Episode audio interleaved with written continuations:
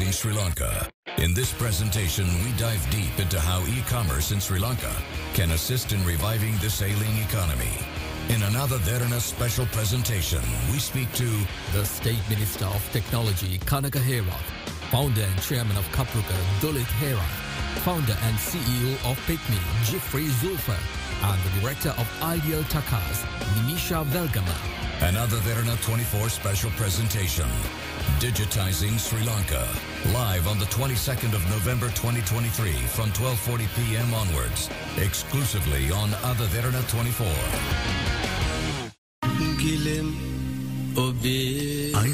ඓතිහාසික පාතිලය රජමහා විහාර පරිශ්‍රයේ දකුණු ආසියාවේ විශාලතම එකසේ මිසිරියන් නොස සමාධි පුද්ධ ප්‍රතිමා වහන්සේ නිර්මාණය කිරීමේ මහානීය පුුණ්්‍යකර්මයට ඔබත් ධනයෙන් තිරියෙන් ද්‍රව්වයෙන් දායක වන්න.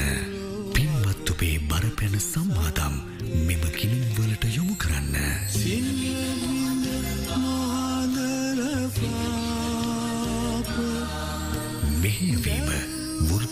වෘතිය ප්‍රජා මහමලොව පාතිනය සමාධිපුදුරුව සංවිධානය සැදැහැති මාධ්‍යාලෝකය දෙරණ.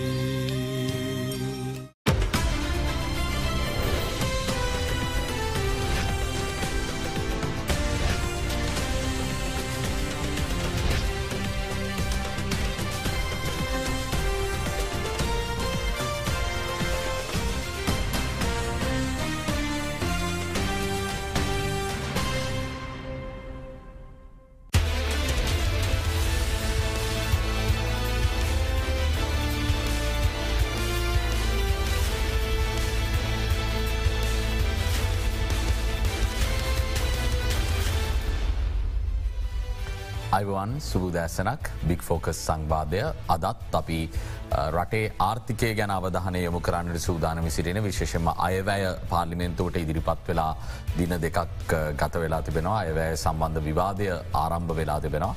යනුව තීරණාත්මක අවස්ථාවක ඉදිරිපත් වුණු ශ්‍රී ලංකාවේ හැත්තෑ අටවන අයවැය සම්බන්ධයෙන් අපි අවධානය යොමු කරද්දී මෙවර අයවැය වර්තමාන අභියෝග ජයගැනීම කියන කරණාවේදී කොයි තරම් වැදගත් සාධකයක් බවට පත්වෙයිද ප්‍රමාණවත් පරිදි මේ පවතින අභියෝග පිළිබඳව පුළුල් අවබෝධයකින් යුතුව අයවැය යෝජනා ඉදිරිපත් වෙලා තිබෙනවාද. ඒ වගේම අනික් පසින් මේ ආර්ථිකාර්බුදයෙන් ගොඩ එද්දි අයවැය යෝජනාපී ඉදිරිපත් කරද්දී කොයි තරම් අඩු සීමාවක් තුළද මේ කර්තව්‍යයන් කරගන්නට අපිට සිදුවෙලා තිබෙන්නේ පවතින අභියෝගාත්මක වටපිටාව මධ්‍යය කියන කාරණාව ගැන අද අපි සාකච්ඡා කරන්න සූදානමින් සිරිනවා. අපි අරයුම් කළේ ජේෂ්ඨ මහාචාරය සිරිමල් අබේරත්න මහත්මයට අයිබවන් කියලා මහයිබෝන පිළිගන්න.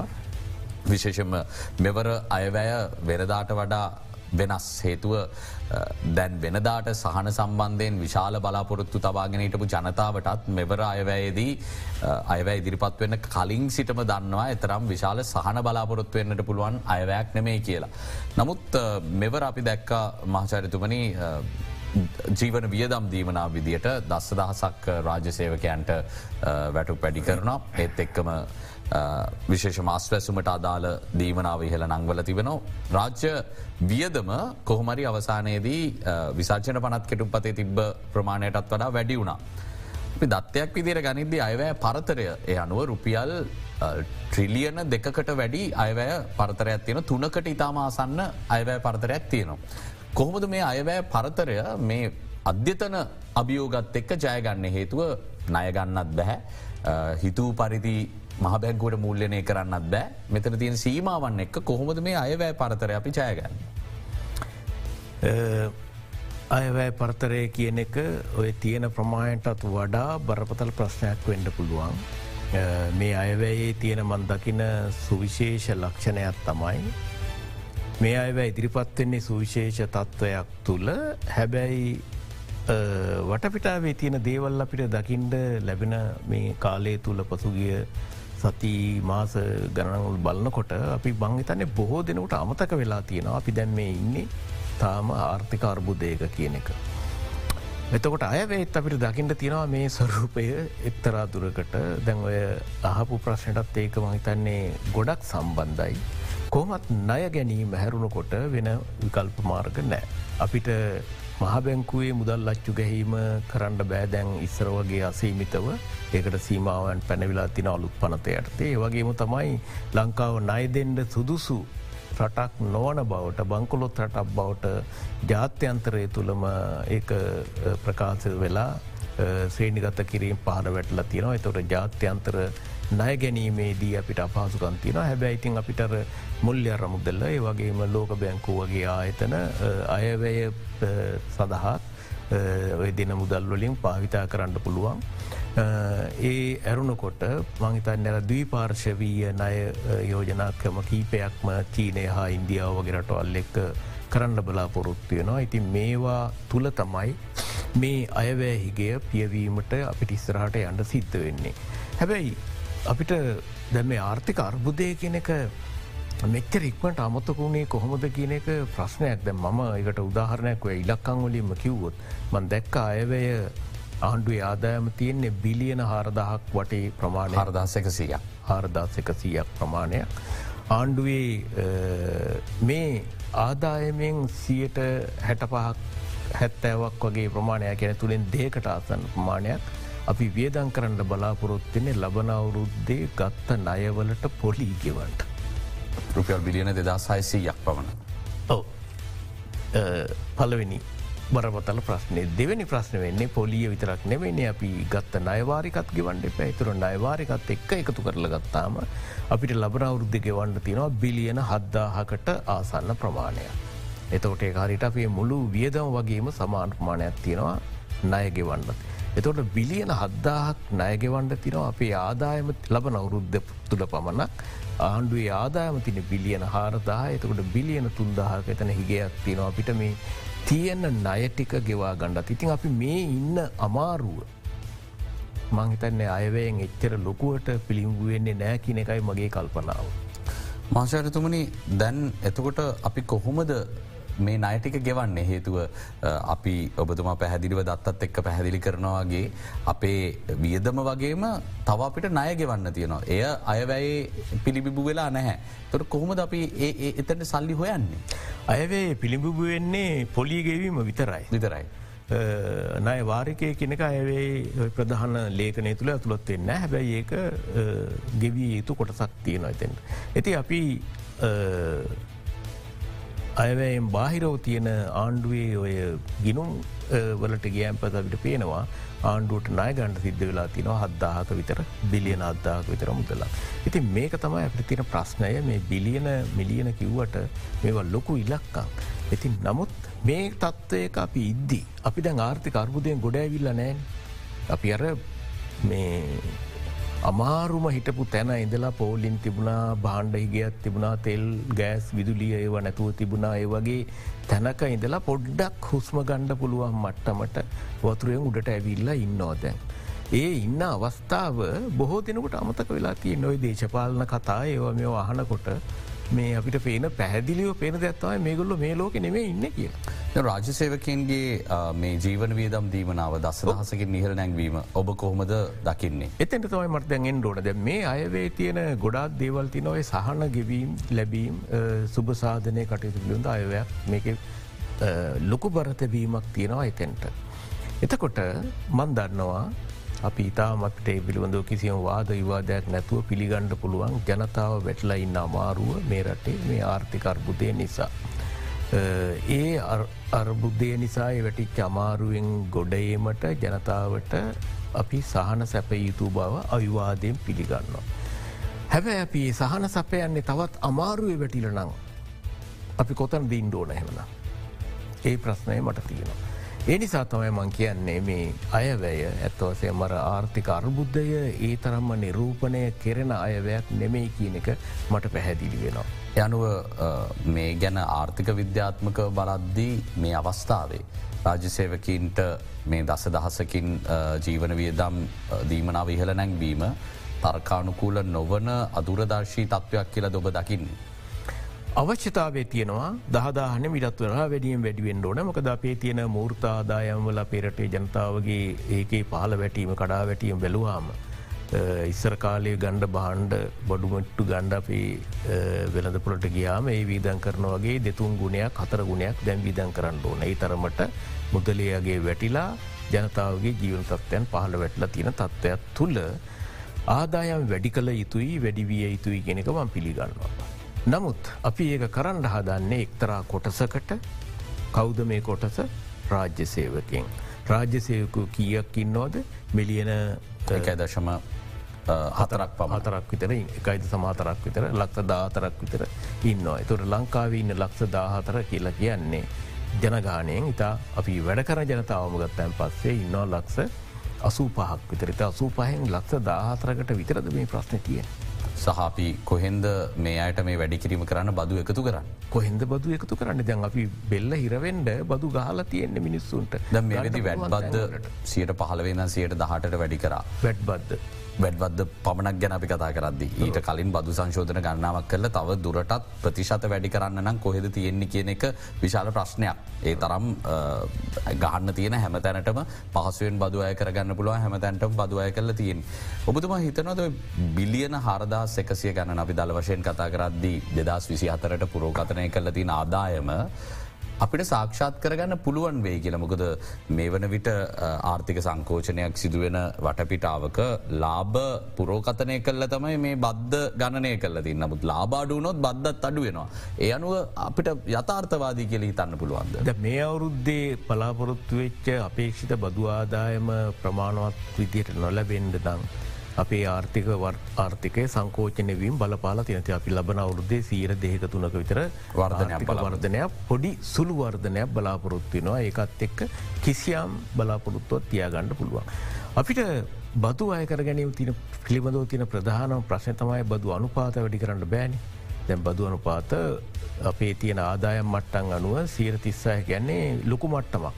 ඉති ඉරොඩ හිලා දැන්තින රටවල් ඔන්නක සීට හතලීට පනහට යනවා එක අපි දන්නවා. නමුත් අපේ රටේ ජනතාවගේ ආදාමත් එක්කනේ බද්ධත් බලන්ඩෝනි. එතෝට ඒනු සීර තිස්සාය කියන්නේ විශාල ප්‍රමාණයක්. හැබැයි අපිට කරන්න තියෙන ප්‍රධානම දේ තමයි සඳහා අයවේ යෝජනාවක් තියෙනවා. ඒක මං ඉතාමත් වගේ කරන යෝජනාවක්. මේ බතු අය කරන පදනම. ඒ පදනව පුල්ලු කර ගැනීම. මොකද හේතුව අපි දැම මේ ලේසියෙන් බදුගහන්ට පුළුවන් අයන මේ අල්ලගනින් ඒගැන සේවකෝ රාජ්‍ය සයකෝ පෞද්ගලිකන්සේ සයෝකෝ ටික තමයි ලේසියම් බුදු ගහන්ඩ පුළුවන් කට්ටි. එතකොට නමුත් ඒ පිරිස ඉන්නේ අර වැඩ කරන ජනතාවගෙන් ලක්සා සූපහක් විතරන්න වැඩ කරන ජනතාවගෙන් සුළු ප්‍රමාණය බායකට වඩා අඩු ප්‍රමාණය. එතකොට අනිත් අයව අල්ලන්ඩ ක්‍රමයක් නැතුව හිටිය හැබැයි දැන් අර ටින් කියන අංකය ටැක්ස් අයිඩෙන්ටිෆිකේෂන් නම්බ බදු හඳුනා ගැනීමේ අංකය කියන එක. දැන් උගත් තැන්ලට අවශ්‍යතාවයක් බෝට පත් කරලා තිනවා. තින් ඒ වගේ ක්‍රියාමාර්ග තුළින් මහිතන මේ අලුත් තාක්ෂණයත් පාවිච්චිකට ලංකාවේ බදු අපිට පුරුද්දක් නෑ මේ රිජු බදු ගෙවනා කියෙන අඩි රටල්ලගේ ඉතිහාසේ අපි එහෙම ගෙවල නෑ පුරුද්දක්. ඒ නිසා අපිත් මේකට ටිකක් කම්මැලි. මිනිස්සු මං හිතන පහුගේ කාලෙ තුළ මන්දන්න කවරුවත් අධ්‍යනය කරල තිනවද කියලා. මේ බදු අනුපාත වැඩිකිරීමත් එක් අපේ රටේ මුදල් කෑස් පාවිච්චි කිරීම වැඩි වෙලා තියනොමකද හේතුව බැංකු ක්‍රමය හරහා එහෙමනත්තන්ගේ විදිමත් ක්‍රම වාර්තාාවෙන් නැතුව ගණුදනු කරන්න පුළ වාර්තාාවෙන් නැතුව ගණදුනු කිරීමට තමයි දැන් ලොකු පෙළවීමත් තියෙනවා. ඒ නිසා මං හිතන්නේ මීට වඩා වඩා කාර්යක්ෂම ක්‍රමවත් බදු ක්‍රමයකට අපිට යන්ඩ සිද්ධ වෙනවා එතකොට අපිට පුළුවන්ගෙන ඔය බදු තිස්සය ඒකත් පාලට අඩු කරන්න. මාශරිතකට නමුත්දැන් මේ ටින් අංකය ගැන කතා කරද්දිත් දැන් මෝට රතය ලිය පදිංචි කරද්දී ඩමක් ලිය පදිංචි කරද්දී ජංගම ගිනුමක් විවෘත කරද්දි වගේ අවස්ථා ගණනාවකද අනිවාරය කල්ල තියෙන මේ බදුවංකය ඉදිරිපත් කිරීම. මුද මේ බදුවංකය ෆයිල් එකේ තිබිල වැඩක් වෙන්නේ නැහැ දේශී ආදයම් දෙපාර්තමේන්තුවත් එක්ක මේක ලිංක් වෙන්න ඕනේ. තාක්ෂණය ඔස්සේ. ද රැමිස් පද්ධතිය ගැන අපි අවුරුදු ගානත් තිස්සේ කතා කරනාව. මේක සංවර්ධනය කරන්න විශාල මුදලකුත් වියදන් කල තියෙන මුත් තවමත්වය සියට සීයක් කාරයක්ෂමත කියන ප්‍රශ්නයමත්වයෙන දැන් මේ නීති හැමදාම ගේනවන. නීති ගෙනවාට මේ ප්‍රායෝගිකව ක්‍රියාත්ම කිරීමට අවශ්‍ය කරන යටිතල පහසුකම් සහ ප්‍රායෝගික වැඩ පිළිවෙල අපිට හිතන්න පුළුවන්ද මීට කලින් පූරවාදර්ශත් එක්ක මෙවරත් යෝජනාව තිබට වෙයි කියලා. මට පතක ගියායවේදී යෝජනාවත් තිබුණා. වයස දහට පිරුණු සියලු දෙනා බදු ලිපි ගොනුවක්. බදු ලිපි ගොනු විවෘත කරන්න ඕනෑ කියලති මන්දන්න කී දෙනෙක් මේ රටේ දහට වැඩිය අලුත් බදුගුණු ලිපි අලුත් බදු ලිපිගොනු විවෘත කලාද කියන එක ප්‍රශ්නය දහට වැඩිය අය ගත්තොත් මහචරතුමනි අපිට යන්න වෙන ලක්ෂ එකසිය හතලියක් විතර ගැන තම අපි කතා කරන්න. දැන්තින ලක්ෂ තුනයි. ලක්ෂ තුන එකසිය හතලියකට වැඩි කරගන්න මේ ආදෑම් දෙපාර්තපේන්තුව තියෙන කාරක්ෂපතාවයවත් තියෙනවද කියනක ප්‍රශ්න තින පහසුක යටතල පසුනොත්තින මංහිතන් ඒවගේම තමයි ඔය ලක්ෂ තුනක ලිපිගුණු තිබ්බට ලිපිගුණු ඕන කෙනට විෘත කරගන්නත් පුළුවන්. ටින් නම්බරයක් ගණඩත් පුළන් ඕන කෙනෙකුට. නමුත් අවශ්‍ය වෙන්න ඇත්තවසේම බදු ගෙවීමනේ ඉතින් එතෝට ටින් අංකේ තියෙනවා ලිපිගොනුව තියෙනවා හැබැයි මගේ ගණු දෙනු බදුවලට අහුවෙන්නේ නෑ. ඉතින් මේ ප්‍රශ්නය ලංකාවී සෑහෙන්ඩ ඔඩුදු ප්‍රශ්නයක්. මේකට හේතුව ආණ්ඩුව දන්නේ නෑ ජනතාවගේ ආදායම්මකක්ද වියදෝමකක්ද වත්කම්මනෝද කියන එක දන්නේ නෑ එම නැතන් දැනගණ්ඩ ඕනකමක් නෑ. මේ කාරණ දෙකේ මොකක් හරි හේතුවත් තියෙන. එහෙමනම් එබඳු තැනක්ක තියෙන තියෙන මේ ආර්ථිකය මේ රටේ තියෙන සමස්ත පරිපාලන වියහය තුළ අපි අතනින් මෙතනින් මේක ඇගිලි ගහලා අරව ලිපිගුණු විවෘත කරන්න ටින්නංකයක් ගණ්ඩ කිව්වට මේක ක්‍රියාත්ම කිරීම ලොකු අතිවිශාල ප්‍රශ්නයක් බොට පත්වෙනවා. ඒ විතරක් නෙමෙයි මහිතන්න මේ අපේ රටේ හුඟත් දේවල් ක්‍රියාත්ම කිරීම බරපතල ප්‍රශ්නයක්නේ ක්‍රියාත්මක යෝජනා ගේනවා අනපනත් හදනවා පාර්ලිමෙන්තිවේ සම්මත වෙනවා. ක්‍රියාත්මක වෙන්නේ නෑ. ඇති අපේ හුගත් දේවල්ලොට තින ප්‍රශ්නය වෙන්න මේ ක්‍රියාත්මක නොවීම කියන එක ක්‍රියාත්මක වීමත් මේ ආයතනවල ඕනතරං ආයතන තියෙනවා. හැමදේටම ආයතන තින අපේරටේ. හැබැයි ක්‍රියාත්මක වීම දේශපාලන තීරණයක්. ඒක දේශපාලන තීරණයක් මත සිද්ධ වැදයක් නැත්තං ඒවා ක්‍රියාත්මක වෙන්නේ බොහොමල් පවස්සේ. ත මේ අයවැය යෝජනා ක්‍රියාත්මකවීම අධීක්ෂණය කිරීම සඳහා ශ්‍රී ලංකාව තුළ වැඩ පිළිවෙලක් නැහැ හැමදාම අපි දකිනවා අයවැය යෝජනාවලින් සීයට පහලවක්වත් ඊළඟ අයවැය ඉදිරිපත්වෙන අවස්ථාවවත් ඉශ්්‍ර වෙලා නැහැ. තොට මෙවරත් මේ සාධනී යෝජනා ගැන අප අයවැ ඉදිරිපත් වෙලා සතියක් තුළ රූපාහිනය කතා කරාට වසරක් ඇද්දී ප්‍රායෝගික ක්‍රියාත්මක වෙන්නේ නැත්තං කිසිම පලක් නැහැ. මේ අයවැ යෝජන අධීක්ෂණය කිරීම සඳහා මොනවගේ වැඩ පිළිවෙලක්ද තියෙන් නොන විශේෂම ජනතාවට ඒ ගැන සංනිවේදනයක් ඇතිවෙන මේ අයවැය තිබ්බට මේ අය මේක කරන්නේ නෑ කියන සංනිවේදනයන් මොනවගේ වැඩ පිළිවෙලක්ද අපිට දැනට ඇත්තවසේ මෝකට තියෙන්නේ අර විවිධ ආයතන විසින් විවිධ පුද්ගලයෙන් විසින් මේ මෙච්චර ගෙනාපු යෝජනාවලින් මෙච්චරයි ක්‍රියාත්මක වෙලා තියන්නේ. මෙච්චර බෞතරයක් ක්‍රියාත්මක වෙලා නෑ කියන පර්යේෂණවලින් පෞද්ගලික බුද්ධි සංවිධාන විසින් වගේ තොරතුරු දබාදීමක් හැරුණකොට ක්‍රමවත් වැඩ පිළිවෙලක් ඇත්තවසීම නෑ.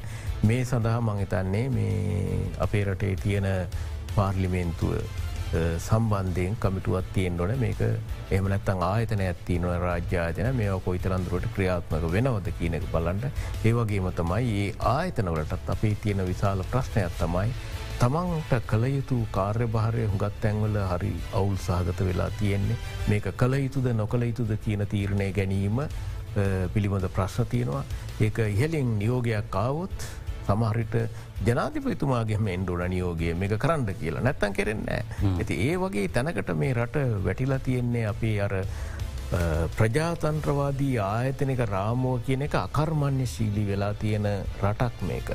මොක දෙකටත් හේතු අපේ ඉතිහාස ඉතිබිච්ච දේශපාලන ප්‍රශ්නයක්. මොකද දේශපාලන ක්‍රමය තුළ දේශපාලනඥයෙන් කැමති දේ තමයි කෙරෙව්වේ අකමැති දේ නැවැත්තුවා. එතකොට අර ඒ නීතිය ක්‍රියාත්මකවීම අඩපන කරනකොට ඒ විදිහට මංහිතන්නේ රාජ්‍යන්සයත් ඒ විදිර දැනට අඩපනලා තියන්නේ ඒක යළි පණගන්නවා ගන්නතුරු මේ ප්‍රශ්නය හදි හරියන්නෙත් නෑ. හොඳ අපි තවදුරටත් කතා කරම මේ පිළිබඳව කෙටි විරාමයක් ලබා දෙන්න එක්මනින්ම යළිත් හමුද.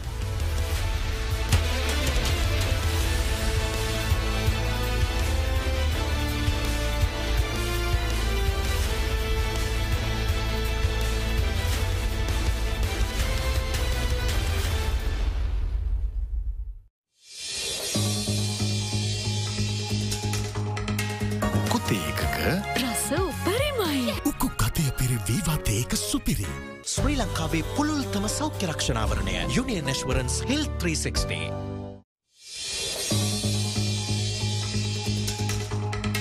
ඔබේ සමට තැන්මින් පෙර නොවූ දීප්තිමත් කලෝ එකක් නවලක්ස්. පෝෂණය පිරුණු කිරිසාරවත් උකුම උකුම් මෝල්ට් කිරිතේ එකක්. වීවා දැන් වෙළඳපුලේ අඩු මමිලට. ඔව් අපට පේනවා රොටි ස්පෙශලිස්ට් චූන් පානික නිතැල්ල යන්න හැර බුද්ධිමත් ලෙස රොටි පිටිපැදයමු වෙනවා. පැන්ට්‍රියන්තේ මාමයිට් තෝරගන්නවා අද බ්‍රෙක්ෆස් පිටිය ස්පෙශල් කරන්නේ මොන රොටීද. ඊයනම් පිත්ස රොටි. පෙරේද කරපෙන්චරොටි. ඔට්ටුයි අද කඩල රොටි. රොටිය මොකක් වුණත් එහි රසගුණ වැඩි කරන්න ඇ මාමයිට් තෝරගන්න බවන නිසකයි. මේ ලේසි නැති කාලේ ලේසියෙන් හදන්න පුළුවන් රොටිවලට B විටමින් පෝෂණය එක් කරන්න මාමයිට් බ්‍රෙක්ෆස් පාට්න කරගන්න.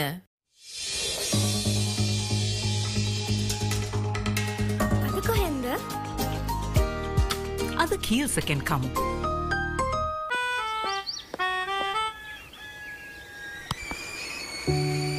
අම්මට අද අමතක වෙලා.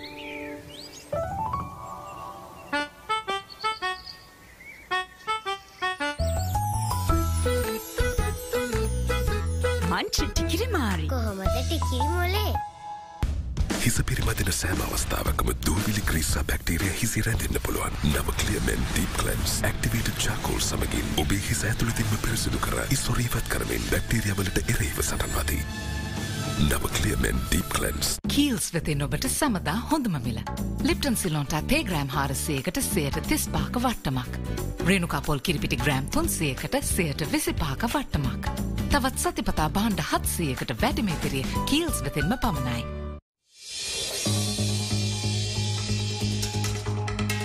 වසර ගණනක ඩැමේජ් වූ හිසකෙස් පළමු සේදුමෙන්ම සුමුදු කරයි. ඩව් ඉන්ටෙන්ස් රිපෑ.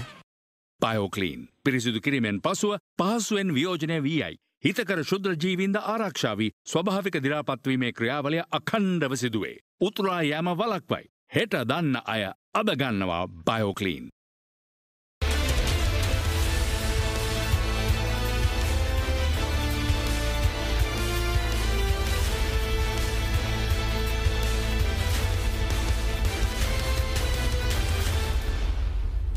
ජේෂ්ඨ මහාචාරය සිරිමල් අබේරත්න මහත්මඇත් එක සාකච්ඡා කරමි සිරින්නේ අද බික් ෆෝකස් සංවාදයේදී අපි දෙදහස් විසි හතර අයවැය සම්බන්ධයෙන් අවධානය යොමු කරන්නේ අද.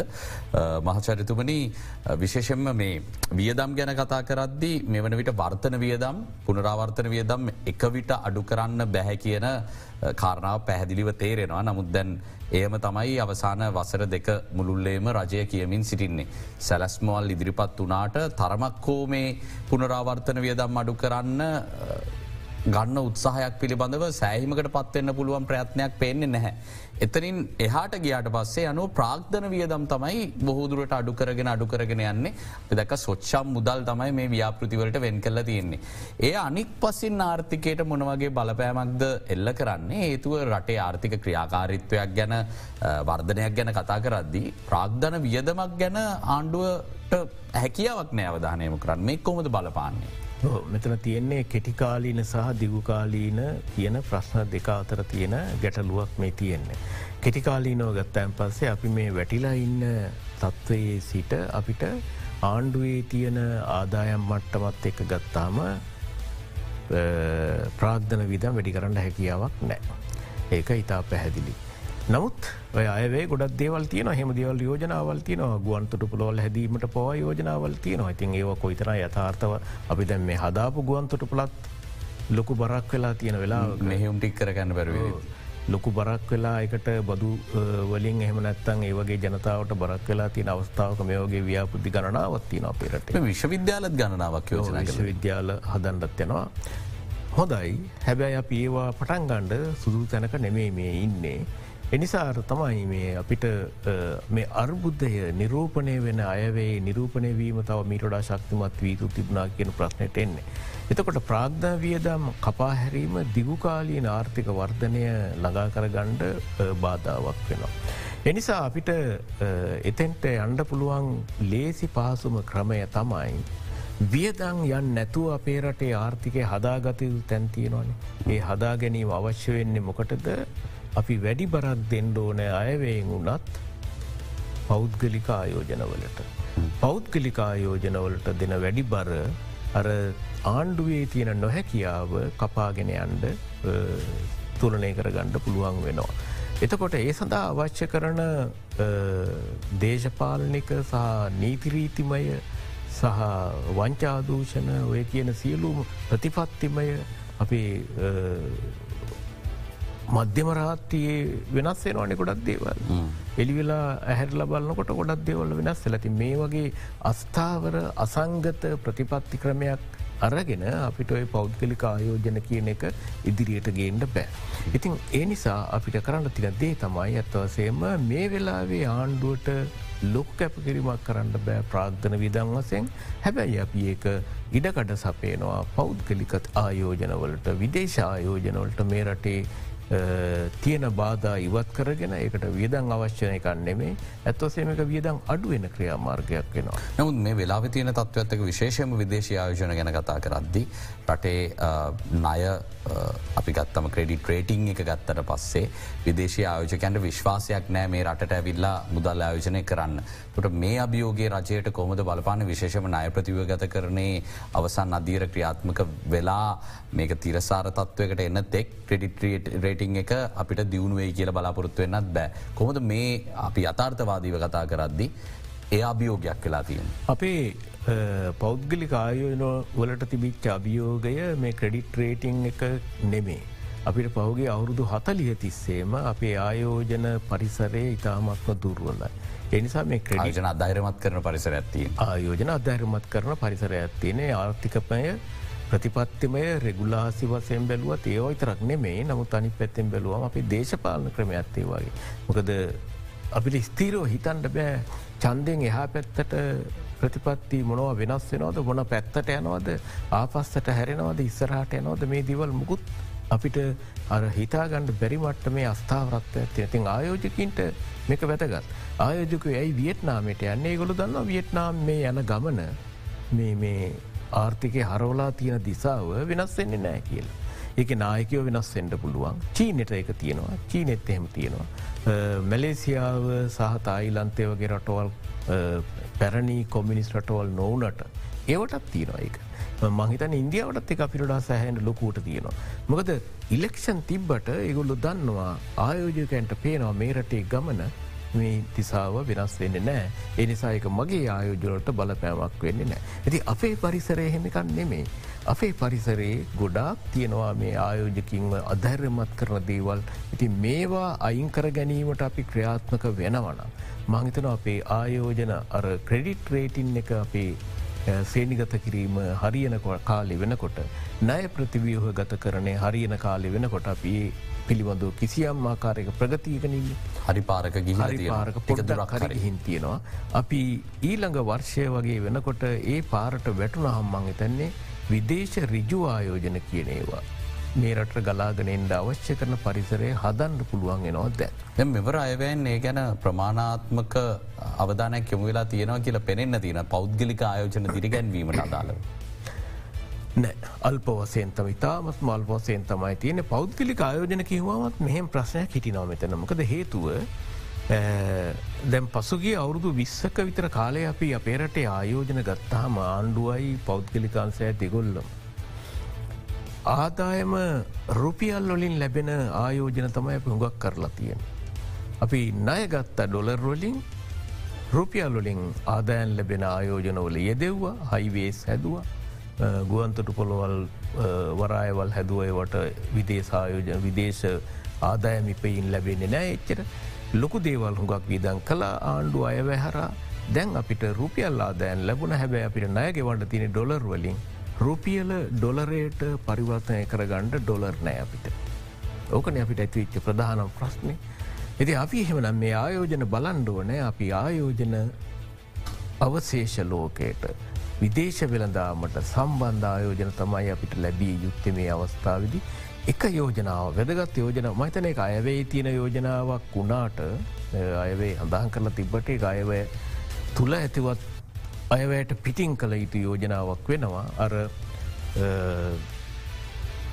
අපේ ආර්ථික කලාපතියනවා මේ ආසියාවේ. මේ ආර්ථික කලාපොල්ට ලංකාව සම්බන්ධ වෙන්ඩ ඕන නිදහස්වද කලාපවලට සම්බන්ධ වෙන්ඩ ඕන කියන ආර්සෙප් කියන එක රීජනල් කොම්ප්‍රහන්සිව් ඉකනමික් පාට්නචිප් කියලා කියන්නේ ආසියන් කියන රටවල් දහයයි ඒ රටවල් දහයේ සමුළුව තමයි සමාගම තමයි ආසියන් ඒගොල්ලු ඇතිකරගෙන තියෙනවා තවත් රටවල් හය හතක් එක්ක නිදහස් වෙළඳ ගියවසුවම් එතවට මේටික ලොකු රටවල්ටික ඉන්දියාව චීනය දකුණු කොරියාව ජපානය ඕස්ට්‍රේලියෝ රටා ලොක්කො ඉන්නද. මේටික ඔක්කොම ගත්තහම මේක තමයි අද ලෝකයේ තියෙන විශාලතම නිදහස්වෙන්ද කලාපේ. විශාලතම. සහ වේගේම ඉදිරියට යන. ලෝකෙ වෙන කලාපයක් නෑ. හැබැයි මේ ඔක්කොම ආසියාව රටවල්ටික අතර ලංකාව බොහම හුද කලා වෙච්ච රටක් විදිර පැත්තකට වෙලා ඉන්නවා. ඉතින් මේ අයවේ සඳහන් කෙරවා ලංකාවමිකට ජොයින් වෙන්ඩෝනෑ කියනක වැදගත් යෝජනාවක් වෙනවා. මේ ජොයින්වීම ඒ වගේම තමයි ඒකට සම්බන්ධීමට අවශ්‍ය කරන අපේ අභ්‍යන්තර ප්‍රතිපත්ති සංසෝධන නීතිරීති සංසෝධන අපි පටන් ගණ්ඩෝන ඇති මෙතනින් තමයි අපි මහිතන්නේ එක වැදගත් පියවරත් ඇබිය හැකේ අර අපනායනයට නැබුරු වෙච්ච විදේශායෝජන මේරට ලබාගන්න. අනෙක් පසෙන් ගත්තම වරාය නගරයත් අපි බොහෝ බලාපොරොත්තු තවාගෙන ආරම්භකරපු ව්‍යාපෘතියක්. මේ වනතෙක් එහි පලප්‍රයෝජන ශ්‍රී ලංකාවට ලැබෙන්න්නට පටන්ගරක් නැහැ. ඔබේ අධ්‍යනයට අනුව වරායනගරය කොතනද නැවතිලා තියෙන්නේ සහ වරායනගරයේ තියෙන ඒ බාධාවන් නිවත් කරලා හැකි තරං ඉක්මනින් මේ පණ නංවා ගැනීම ලංකාවේ ආර්ථිකයට කොයි තරම් වැදගත්ද. මම මේකට උත්තරයක් දෙනකොට මට එක කාරණාවක් කියන්න පුළුවන් හැබැයි මං හිතනවා බොහෝ දෙනෙක් මේ කාගනින්න කැමති වෙන්නේ නෑමැම මේ කියනතිට. ඔය වරාය නගර අපි දුන්නනම් ඔය චීනටම කළමනා කරණය කරලා මේක ආයෝජන ගෙනල්ලා වැඩි කරලා අපිට ආදයන් ලබා දෙන්න කියලා. ඔක මෙලාට විසිද්ධ වෙලා ඉවරයි. ගොද චීනයට හැකියාව තියෙනවා. එනිසා තමයි චීනය හම්බන්තොට වරායි ප්‍රයෝජයට අරගෙන ඒ හැකියාව පෙන්ල දීලා තිය ඉතින් වරා නගර ඇත් එක නමුත් අප ඒක අර හුගක්කු මේක දේශප ආර්ථික මේ විතරක් නෙවෙන මේක දේශපාලන ප්‍රශ්නයක් සාපේ හිතන මතන ක්‍රමයත් ඒකත් එක්කම එකතු කරලා ගත්තයන් පත්සේ මේක වෙනස් ක්‍රමයකට හදාගෙන අපි දැන් අලුත් නීතිරීති පද්ධතියක් එකට හදාගෙන තියෙනකා. ඉතින් මේ කාලය මේ අවුරුදු ගණනක් ගත වෙච්ච කාලය අපිට ඒ නීතිරීති පද්ධතිය හදාගෙන මේ එක ක්‍රමයකට ගොඩනගාගණ්ඩ ගතවෙච්ච කාලයක් එක පැත්තකින්. දෙවිනි ප්‍රශ්නය මේ කාලය තුළ සිද්ධ වෙච්ච සමහර ආයෝජන සාකච්ඡා පියහල දන්න පරිදි බොහෝ විට ඒගොල්ලන් අධෛර්යමත් වනාව ඒ කාලෙදිල ඇතිවෙච්ච දේශපාලනික අර්බුද්ධ හරහා. අරගලයත් ඇතුළුව ඇති අරගලය මොන පැත්තෙන් එක පැතිවලින් බල්ලා පිට එක සාධාරණය කරණය කරන්න පුළුවන්. නමුත් අපි ආයෝක පිටරට ඉඳල මේ රටේ ආයෝජනය කරන්න එන්න විශාල කම්පැනිය එකක දෘෂ්ටිකෝනයෙන් එක දිහා බලන්නකොට මෙතන මට ආයෝජනය කරන්න හොඳ තනන්න මේ කියන එක ඉතා පැහැතිදි. ඉති මේ වගේ අපේ රටේ හදාගත යුතු දේවල් ජනතාවටත් තියෙනවා ඒ වගේම පාලකයින්ටත් තියෙනවා. මේ දේවල් මත වරාය නගරේ මහිතන ලොකු බලාපොරොත්තු තියාගණඩ පුළුවන් තැනක් ඒකට අවශ්‍ය කරන්නේ ඉතා ප්‍රධාන පිල්ලි ආයෝජන කීපයක් විතරයි ඊට පසේ අනිත් අය නිකම්මයිනවා. ඉතින් මේ ප්‍රධාන පෙළේ ආයෝජකයෝ තාම සාකච්ඡා මට්ට මේ තමයින් තාම ඇවිල්ල ආයෝජනයට සූදානන් වෙලා නන්න. ඉතින් අපි බලාපොරොත්තු වෙනවා. අපිටිතින් අර මේ ස්මාර්ට්ටන්ට පුළුවන් මේ නෙගටව් රින දේවල්ම කියලින් නමුත් අපි රටේ ඉදිරිය හදා ගණඩනම් අපි ධනාත්මකෝ බලන්ඩෝන ඉතින් අපි ධනාත්මකෝ බැලුවොත් මහිතන වරාය නගරේ මේ රටේ ලොකු වෙනසක් ඇති කරන්න පුළුවන්. ඉදිරි අවුරුදු පහක වගේ කාලය තුළ ලොකු වෙනසක් ඇති කරන්න පුළුවන්. ප්‍රධාන අර අපි කියන්නේ ඉංග්‍රීසින් කෙන ලෝ හැඟින් පරුට්ස් එක පාට්ට කඩාගණ්ඩ තියෙන පසුවෙන් කඩාගන්න පුළුව පාසුවෙන් කඩාගණ්ඩ පුළුවන් ඉඩ ප්‍රස්ථාවන් ඒ ඉඩ ප්‍රස්ථාවනල එකක් තමයි වරය නගරයකයන් ඉදිරි අවුරුදු පහතුළ ලංකාවේ ආර්ථිකය අත්‍ය විශාල පරිවර්තනයකට පත් කරන්න පුළුවන් හැකියාව. හැකියාව සත්‍යතාවේ වරය නගයට තිය. තවදුරටත් කතා කරමු. තවත් කෙටි විරාමයක් ලබා දෙන විරාමෙන් අනතුරුව යළිත් එක්මනින් හමුවෙන්න සූදාම.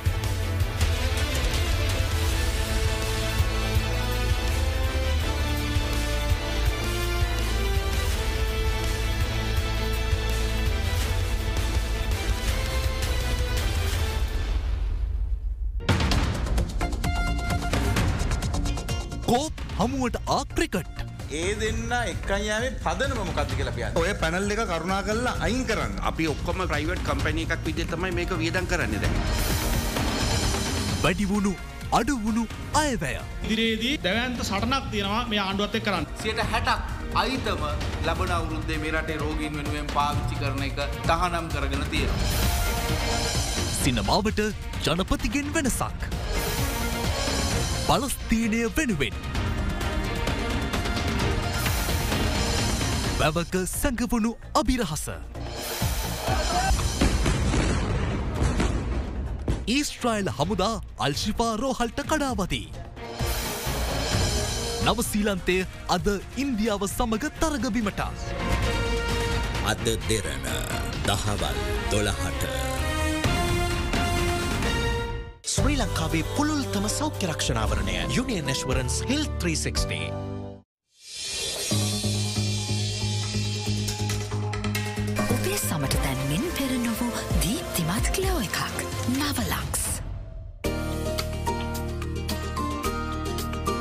කජු කෑරිදාපු රස්ස ඩෝනට් එක.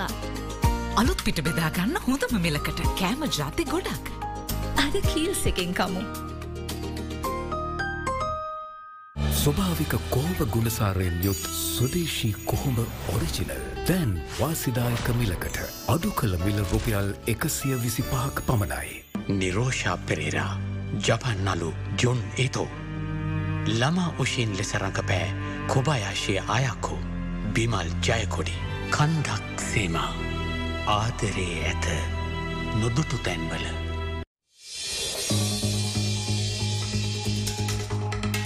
වසර ගණනක ඩැමේජ් වූ හිසකෙස් පළමු සේදුමෙන්ම සුමුදු කරයි. Dove Intense Repair. ඔබේ හැකියාව සියුම්ව හඳුනාගෙන උපගන්වා අන්තර්ජාතිකව පිළිගත් අභිමානවත් වෘත්තිකයකු වීම සඳහා ඔබ යොමු කැරෙන.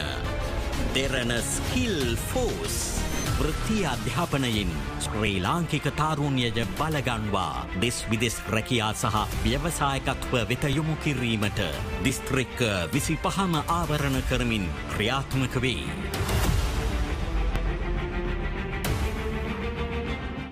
This program is sponsored by සිතන්න දෙමාපියන් පණමින් සුරකිමු.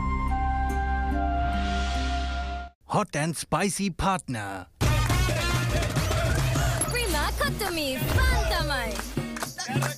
Nutrition partner ඇංක ෆැමිලි ප්‍රෝප්ලස් මගේ පවුල පෝෂණයට මං එකතු කරගන්නවා. ඇංක ෆැමිලි ප්‍රෝප්ලස්.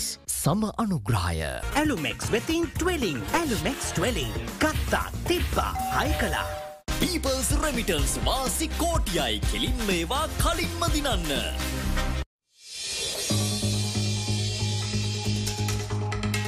කොතේකක සුපිරි. ඉවත් වනකුණු යළි රෙදි පිළිමත තැන්පත්වීම වලක්වන anti රීඩ position පොලිම තාක්ෂණයෙන්. Bubble lotion powder.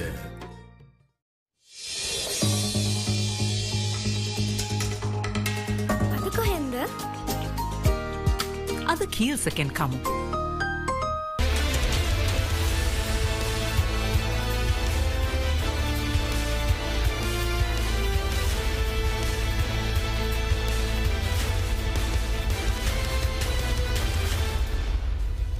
ජේෂ්ඨ මහාචාරය සිරිමල් අබේරත්න මහත්මයත් එක සාකච්ඡා කරන්නේ මහාචරතුමනි රාජ්‍ය බැංකු දෙක ගැන විශේෂ යෝජනාවක් තින මේ ගැන තමයි තැන් ආන්දෝලනාත්ම ගණයට වැටෙන යෝජනා විදිර කතාවෙන්න පටන් ගරන් තියෙන්නේ. සීර විස්සක කොටස් උපායමාර්ගික ආයෝජකින්ට හෝ ජනතාවට ලබා දෙන්න යෝජනා කරනවා කියලා මේ රාජ්‍ය බැංකු දෙකේ. යනුව මේ රාජ්‍ය බැංකු පෞද්ගලීකරණය කරන්නද උත්සාහ කරන්නේ. ඒ හරහා රටේ බැංකු පද්ධති ස්ථාවරත්වය කෙරෙහි රජයට තියෙන අපි කියන ඒ පාලනය සම්පූර්ණයම ගිලිහෙන ගමන කාරම්බේද තබන්න කියන ප්‍රශ්න ඇහෙන්න පටන් ගරන්තින. ඔබ කොහොමද මේ යෝජනාව දකින්නේ.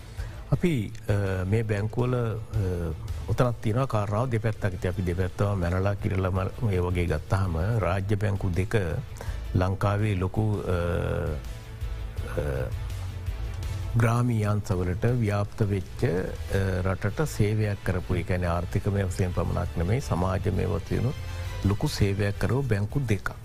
ඒවගේම තමයක අනි පැත්ත ගත්තා මේක රාජ්‍ය අන්සය තුළ පමණක් රජයේ පාලනය තුළ පමණක් තිබීම නිසා තිද්ද වෙච්ච අකර්මන් අකාර් අකාරක්ෂමතාත් තියෙනවා. අකාරක්ෂමතාව විතරන්නේ මේ නොමනා ක්‍රියාකාරකනොත් ඕන තරන් අපි මාධ්‍යවලින් දැකලා තියෙනවා මේ වගේ සිද්ධ වෙච්චි දේවල් ගොඩක් තියෙනවා. ඉති ඒ අනුව ඒවගේම තමයි ඔය ලංකාවේ තියෙන පාඩු ලබනවා කියන ලොකු ආයතන රාජ්‍ය ව්‍යවසායන්. ඒගොල්ලන්ගේ ටාවච්ච කරන ඒගොල්ලන්ට කවරුවත් නය දෙන්නේ නෑන්. ඒගොල්ලන්ට නයදීලා ඒ තියෙන ආකාරක්ෂතාවන් ඒගොල්ලන්ගේ අකාරක්ෂමතාවනු තවදුරටත් ඉදිරියට ගෙනයාමට සහයෝගය දෙන්නෙත් මේ බැංකු දෙක. ඉති එතුර මේ ඔක්කෝම එකතු කරල ගත්තහම මේ බැංකු දෙක මීට වඩා කාරක්ෂමතාව මේ වගේ වැඩිදියුණු කරන්න එම් සහ රජය විතරක් නෙමේ ඒකට කිසියම් ආකාරයක පෞද්ගලික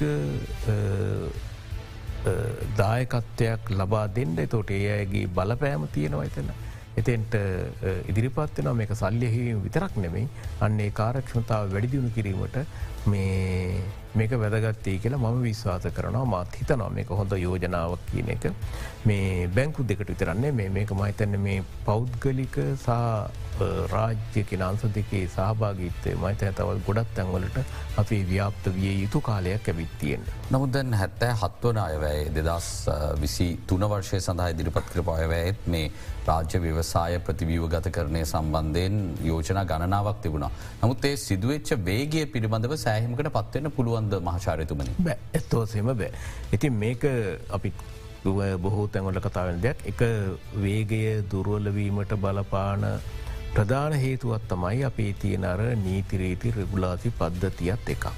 ඉතිං ඒ දේවල් හරහා ගිහිල්ල මේවා කෙරීගෙන එන්ඩ බැංකු දෙකටත් ඒ ප්‍රශ්න තියෙනවා බැංකු දෙක සියට විස්සත් මේ ප්‍රතිවියෝගත කරනයට ලක් කරනවා කියන ප්‍රශ්නයත් එතන තියෙනවද. මේක අයවැයක් තුළ අවුරුද්ධකින් කරන්න පුළන් වැඩක්ද කියන එක.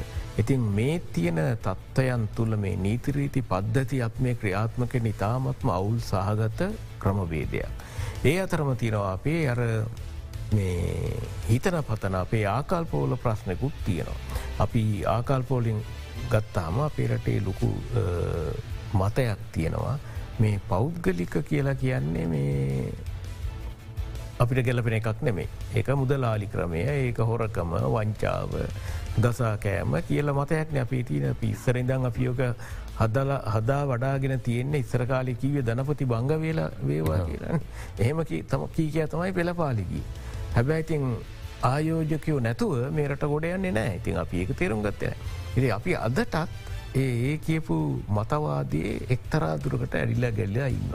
ඇති ඊට වඩා අපි මේක රජය කියන එක ආයතනය. ඊට වඩා හෙනන් ලොකු ප්‍රශ්න ගොඩකට මැදිගත් වෙච්ච ව්‍යාපාර කරන්න ගිල්ලා ඒ වගේ තත්වකට හිටපුර මේ ක්‍රමයක් අපි තින් එහම නං හිතන මිට ොඩා හොඳ ක්‍රමයකට අන්්ඩෝනෑ කියන එක. ඒ හොඳ ක්‍රමයකට අන්ඩ තින එක ක්‍රියාමාර්ගයක් තමයි ව්‍යවසායන් ප්‍රතිසංස් කරණය කර ගැනීම. හැබැයි අපිට ඒක ඉක්මනින් කරන්න බෑ. ඒක කෙරෙන්නේ නෑ. එකක් ඒකට අපි හිතන පතන ක්‍රමය නිසා අපි නිරායාසයෙන් ඇතිවෙනවා ඒකට මග ඇහිරීමක් අපි උද්ගෝචනය කරන පෙළපාලියනවා අපි අත්සං කරන්න ඇතුව ඉන්නවා ගොඩත් දේවල් තියෙනවා ප්‍රමාධ කරන්න හදනවා ඉල්ලෙක්ෂණ ගැනකං ඉන්න ඉල්ලෙක්ෂණ එක වරණහම කරමු කියලා ඉන්න. අනිත් එක තමයි අපේ තින රෙගුලාසි මත අපිට ඒක ගමන අපිට ඕන වේගෙන් යන්න බෑ. අපි ගත්තු තාර්ථික අර්බුදය ඇතුුණු දාසිට මේ දක්වා කාල පරිච්චේදේ. දැන් අවුරුද්ධයකට තර කාලයක් අපිට ඕන තරං කාලේ තිබ්බ මේක ලොකු දෙයක් කරන්න රාජ්‍යවසායන් සම්බන්ධය. නමුත් අපිට කරගණ්ඩ පුළුවන් වුණේ ඔය මේ තෙල් සංස්ථාවේ කාර්ය පමණයි. විදිල බල මණ්ඩලේ තාම දැනට කෙරීගෙනවා ඉදිරි කාලේ තුළ අඩුගානේ ඉදිරි මාසකීපේ තුළ ඉදිරි වසර තුළ මේ හරියයි කියල බලාපොරොත්තු වෙනවා දැනට එක්තරා දුරකට හරි ඉදිරියට ගීන්තිනේවා ඉතින් ගුවන් සමාගම අපි දැන් තමයි ලෝකෙට කියලා තියන්නේ ඇති ඔය වගේ හරි ප්‍රමාදයි මේ ගත ගන ගත වෙන කාලේ මේවට ඉතින් මේවත් එක් අපේ රටේ තියනවා රාජ්‍ය ව්‍යසායන් හාරසීයක් විතර. ඒවට තියෙන අනුබද්ධ සමාගනොත් එක්ක ගත්තාම් පන්සීකටත් එහා තියෙන. ඉතින් අපි හිතාගන්න අමාරක් මේ මේ ඔක්කොම අපි ඉක්සර කාලේ කියන්නේ මේ විවෘතාර්ථිකය එන්ඩ කලින් තිවිච්ච දේවල් හදාපු දේවල් මේවා ඔක්කොම ගත්තාම්. එතකොට අපි විවෘතාර්ථක හදලත් අවුරුදු හතලිකරෝඩක් ගිහිල්ල.